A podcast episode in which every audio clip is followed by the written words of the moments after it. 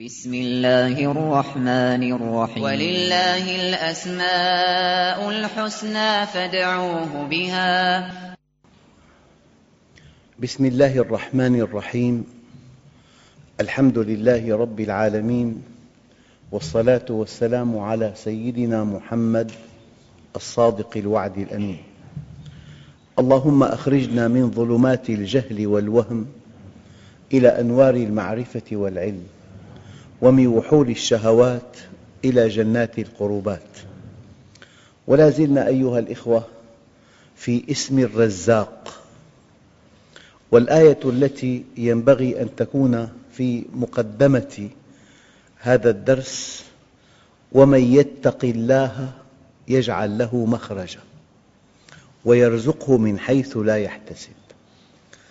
أحياناً الآية لها معنى في سياقها والآية وردت في سورة الطلاق أي أنه من يتق الله في تطليق زوجته فيطلقها طلاقا سنيا لا طلاقا بدعيا يجعل الله له مخرجا إلى إرجاعها.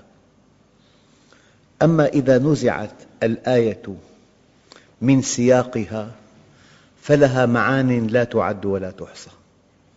فمن يتق الله في اختيار زوجته يجعل الله له مخرجا من الشقاء الزوجي. ومن يتق الله في تربية أولاده يجعل الله له مخرجا من عقوقهم. ومن يتق الله في كسب ماله يجعل الله له مخرجا من إتلاف ماله. ومن يتق الله فيوحده يجعل الله له مخرجا من الشرك. ويمكن أن نتحدث عن هذه الآية ساعات وساعات. ولكن في موضوع الرزق ومن يتق الله يجعل له مخرجا ويرزقه من حيث لا يحتسب. فالأمر بيد الله وما تعلمت العبيد أفضل من التوحيد وإليه يرجع الأمر كله فاعبده وتوكل عليه. فهذا الذي يستقيم على أمر الله له عند الله رزق وفير. وهذا الكلام ينطبق على كل مسلم إلى يوم القيامة. وهذا الوعد فوق الظروف الصعبة وفوق انتشار البطالة وفوق قلة المكاسب. جميع الظروف الاستثنائية التي تحول بين الإنسان وبين الرزق تعطل مع هذا الوعد الإلهي لكل مسلم إذا استقام على أمر الله. وكل إنسان يتعامل مع الله وفق هذه الآية له عند الله رزق وفير ومن يتق الله يجعل له مخرجا. وذكرت أن الإنسان حينما يبحث عن مخرج أي أن الأبواب كلها مغلقة. نزلت فلما استحكمت حلقاتها فرجت وكان يظن أنها لا تفرج. فعلاقتك مع الله في هذا الموضوع اتق الله عبدي كن لي كما أريد ولا تعلمني بما يصلحك. أنت تريد وأنا أريد فإذا سلمت لي فيما أريد كفيتك ما تريد. وإن لم تسلم لي فيما أريد أتعبتك فيما تريد ثم لا يكون إلا ما أريد. في هذا الموضوع لو أن الإنسان تعامل مع الله مباشرة فاتقى الله وحرص حرصا لا حدود له على طاعته الله عز وجل هو الرزاق يرزقه من حيث لا يحتسب. والقصص على هذا المعنى والتي تؤكد هذا المعنى والله لا تعد ولا تحصى. وهذا ليس خاصا بإنسان دون إنسان هذا لكل مسلم. أوضح لكم هذه الحقيقة من خلال هذه الآية. عن سيدنا يونس نبي كريم يجد نفسه فجأة في بطن حوت والحوت وزنه 150 طن. في خمسين طن لحم وخمسين طن عظم وخمسين طن دهن. ويستخرج منه تسعين برميل زيت. والإنسان بإمكانه أن يقف في فم الحوت على قدميه. وجبته المعتدلة أربعة طن. هو لقمة واحدة. نبي كريم يجد نفسه فجأة في بطن حوت. قال فنادى في الظلمات أن لا إله إلا أنت سبحانك إني كنت من الظالمين. فاستجبنا له ونجيناه من الغم. دقق الآن. قلب الله القصة إلى قانون. قال وكذلك ننجي المؤمنين في كل زمان وفي كل مكان وفي كل مصر وفي كل قطر وفي كل ظرف. إن كنت في الهواء أو كنت على أطباق الماء أو كنت تحت الثرى وكذلك ننجي المؤمنين. هذا القرآن لنا. هذا القرآن يبين لنا أن الله مع المؤمن. وقال أصحاب موسى إنا لمدركون. يعني احتمال النجاة صفر. فرعون بجبروته بطغيانه بحقده بأسلحته بما يملك يتبع شرذمة قليلة والبحر أمامهم. ما في أمل. وقال أصحاب موسى إنا لمدركون. قال كلا. إن معي ربي سيهدين. هذا الكلام لنا. ينبغي ألا نيأس. ألا نقع في الإحباط. أن نحسن الظن بالله. إذا ومن يتق الله يجعل له مخرجا. كن صادقا. كن أمينا. انصح الناس.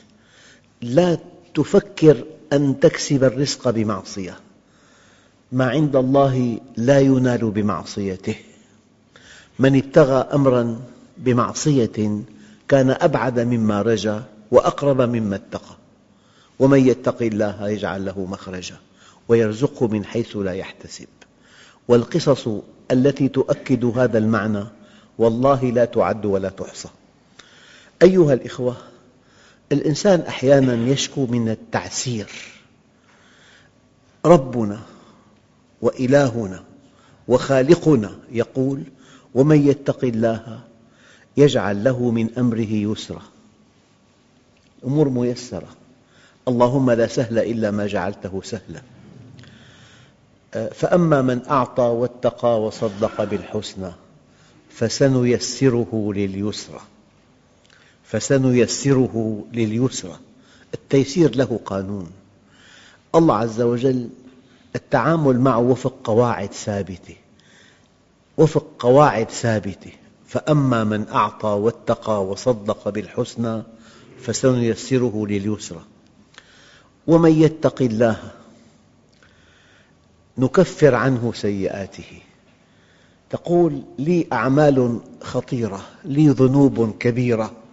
نقول له ومن يتق الله نكفر عنه سيئاته ونعظم له أجره. ثلاث آيات في سورة الطلاق. الأولى ومن يتق الله يجعل له مخرجا ويرزقه من حيث لا يحتسب ومن يتق الله يجعل له من أمره يسرا. ومن يتق الله يجعل له من أمره يسرا. ومن يتق الله نكفر عنه سيئاته ونعظم له أجرا الآن هل من وسائل ذكرها القرآن أو هل من أسباب بينها الكتاب في زيادة الرزق؟ وكما تعلمون الإنسان حريص حرصا لا حدود له على بقائه وعلى سلامة وجوده وعلى كمال وجوده وعلى استمرار وجوده وعلى رزقه.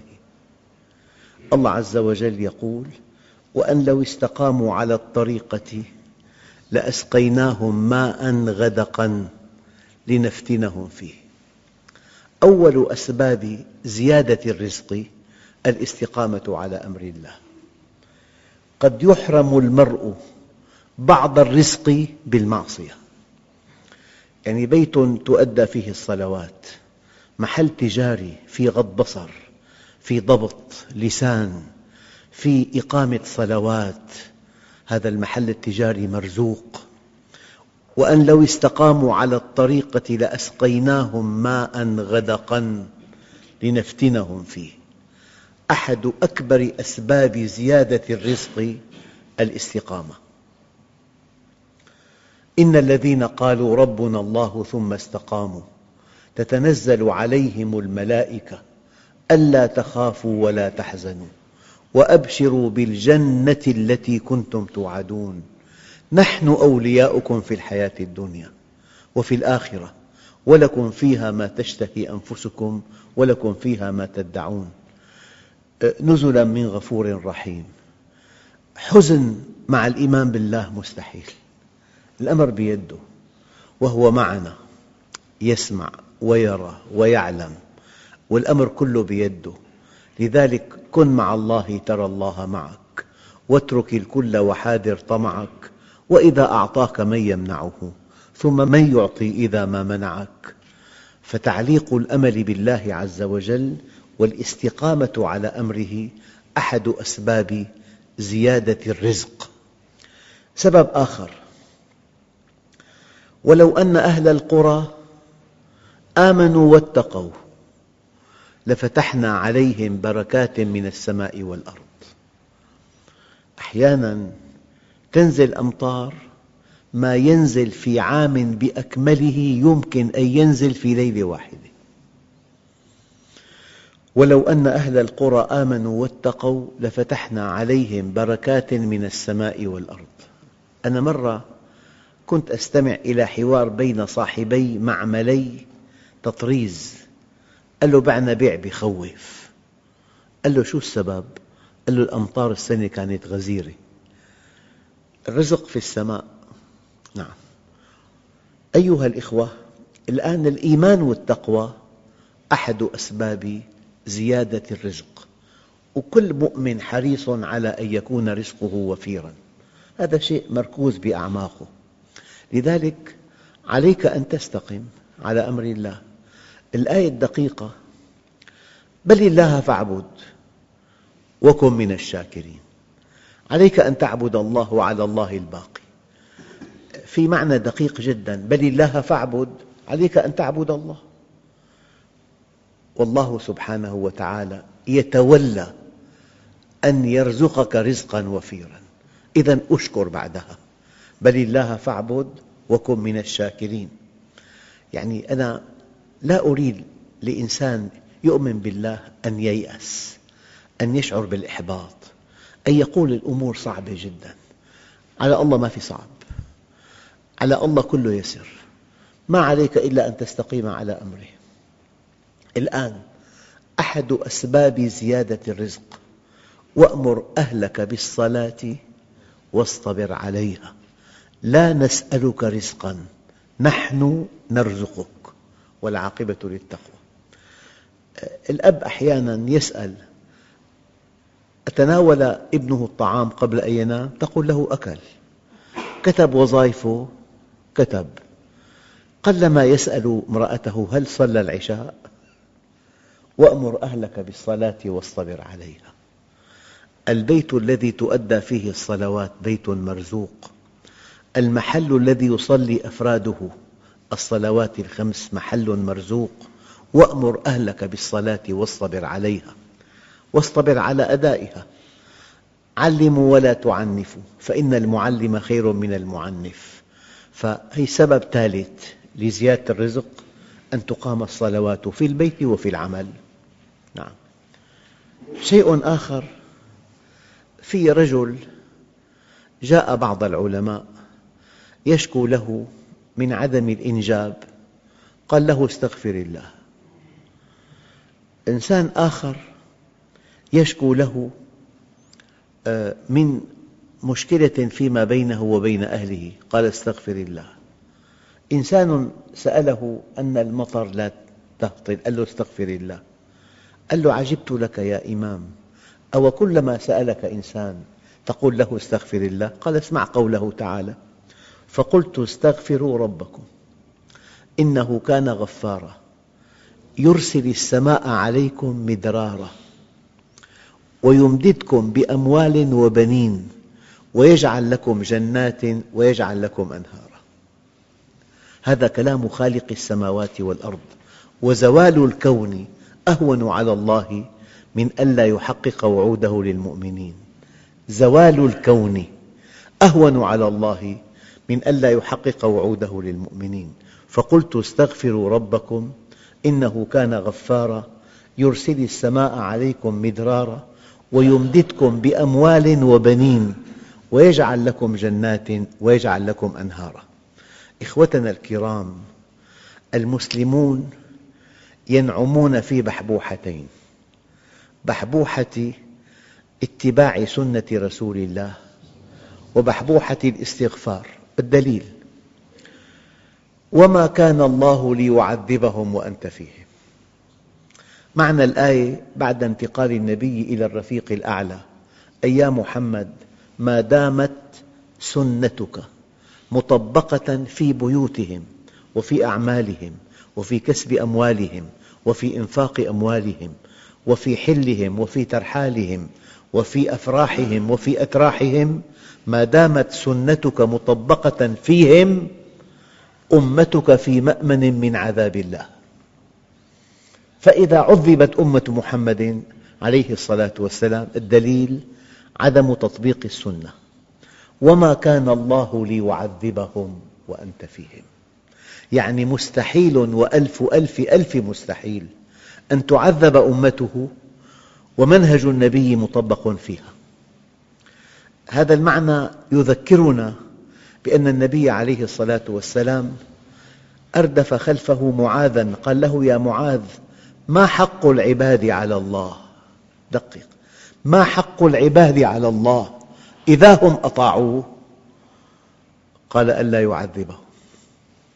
أنشأ الله لك حقا عليه. إذا عبدته لك حق عليه ألا يعذبك. لذلك وقالت اليهود والنصارى نحن أبناء الله وأحباؤه. هذه دعواهم. قل فلم يعذبكم بذنوبكم؟ بل أنتم بشر ممن خلق. وإذا قال المسلمون نحن أمة محمد. يقال لهم قياسا على هذه الآية قل فلم يعذبكم بذنوبكم. بل أنتم بشر ممن خلق. الإمام الشافعي يقول لو أن الله قبل دعواهم لما عذبهم لأن الله لا يعذب أحبابه. كن مع الله ترى الله معك. أيها الإخوة نحن في بحبوحة أخرى. وما كان الله ليعذبهم وأنت فيهم وما كان الله معذبهم وهم يستغفرون. نحن في بحبوحتين بحبوحة طاعة رسول الله وبحبوحة الاستغفار فقلت استغفروا ربكم إنه كان غفارا يرسل السماء عليكم مدرارا ويمددكم بأموال وبنين ويجعل لكم جنات ويجعل لكم أنهارا. أيها الأخوة سبب آخر لزيادة الرزق. في الحديث الشريف الصحيح يقول عليه الصلاة والسلام من أحب أن يبسط له في رزقه وينسأ له في أسره أي في أجله فليصل رحمه. أحد أسباب زيادة الرزق أن تصل رحمك وأن تعفو عمن ظلمك. فلذلك أنا أضع بين أيديكم قواعد من كتاب الله ومن سنة رسول الله لزيادة الرزق. وشيء معروف عند كل الناس. الابن إذا كان باراً بإخوته وأخواته له رزق وفير. أي إنسان يخرج من ذاته لرعاية من حوله من أقربائه هذه صلة للرحم. ومن السذاجة أن نتوهم أن صلة الرحم أن تطرق بابه في العيد وتسلم عليه وتعود إلى بيتك. صلة الرحم تبدأ باتصال هاتفي.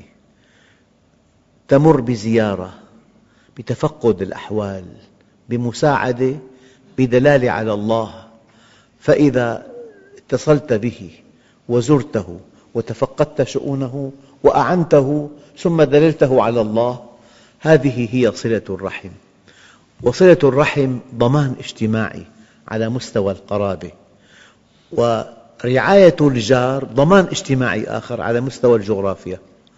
فأنت لك أقرباء ولك جيران. فالله عز وجل أوصاك بأقربائك أوصاك بجيرانك وهذا النظام تضامن اجتماعي في الإسلام. لذلك مرة ثانية من أحب أن يبسط له في رزقه يتوسع. وينسأ له في أثره أي في أجله فليصل رحمه. أيها الإخوة الكرام سبب آخر لزيادة الرزق. يقاس على آية. قال تعالى ولو أنهم أقاموا التوراة والإنجيل وما أنزل إليهم من ربهم المسلمون القرآن.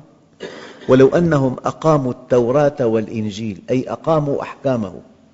وما أنزل إليهم من ربهم لأكلوا من فوقهم ومن تحت أرجلهم ونقول للإخوة المسلمين لو أن المسلمين أقاموا القرآن الكريم في بيوتهم لأكلوا من فوقهم ومن تحت أرجلهم هذه آيات دالة على عظمة الله هذه آيات مبشرة اقرأ القرآن وانظر إلى البشريات التي فيه لمن استقام على أمر الله لكن كفكرة سلبية في هذا الدرس ولا تأكلوا أموالكم بينكم بالباطل.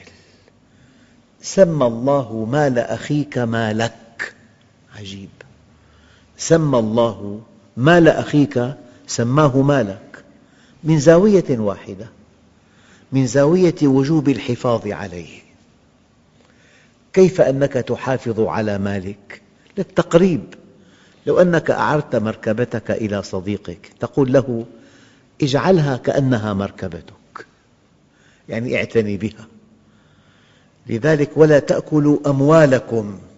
لا تأكل مال أخيك لأنه يجب أن يكون بمثابة مالك من زاوية واحدة لا من زاوية أكله من زاوية الحفاظ عليه. ولا تأكلوا أموالكم بينكم بالباطل.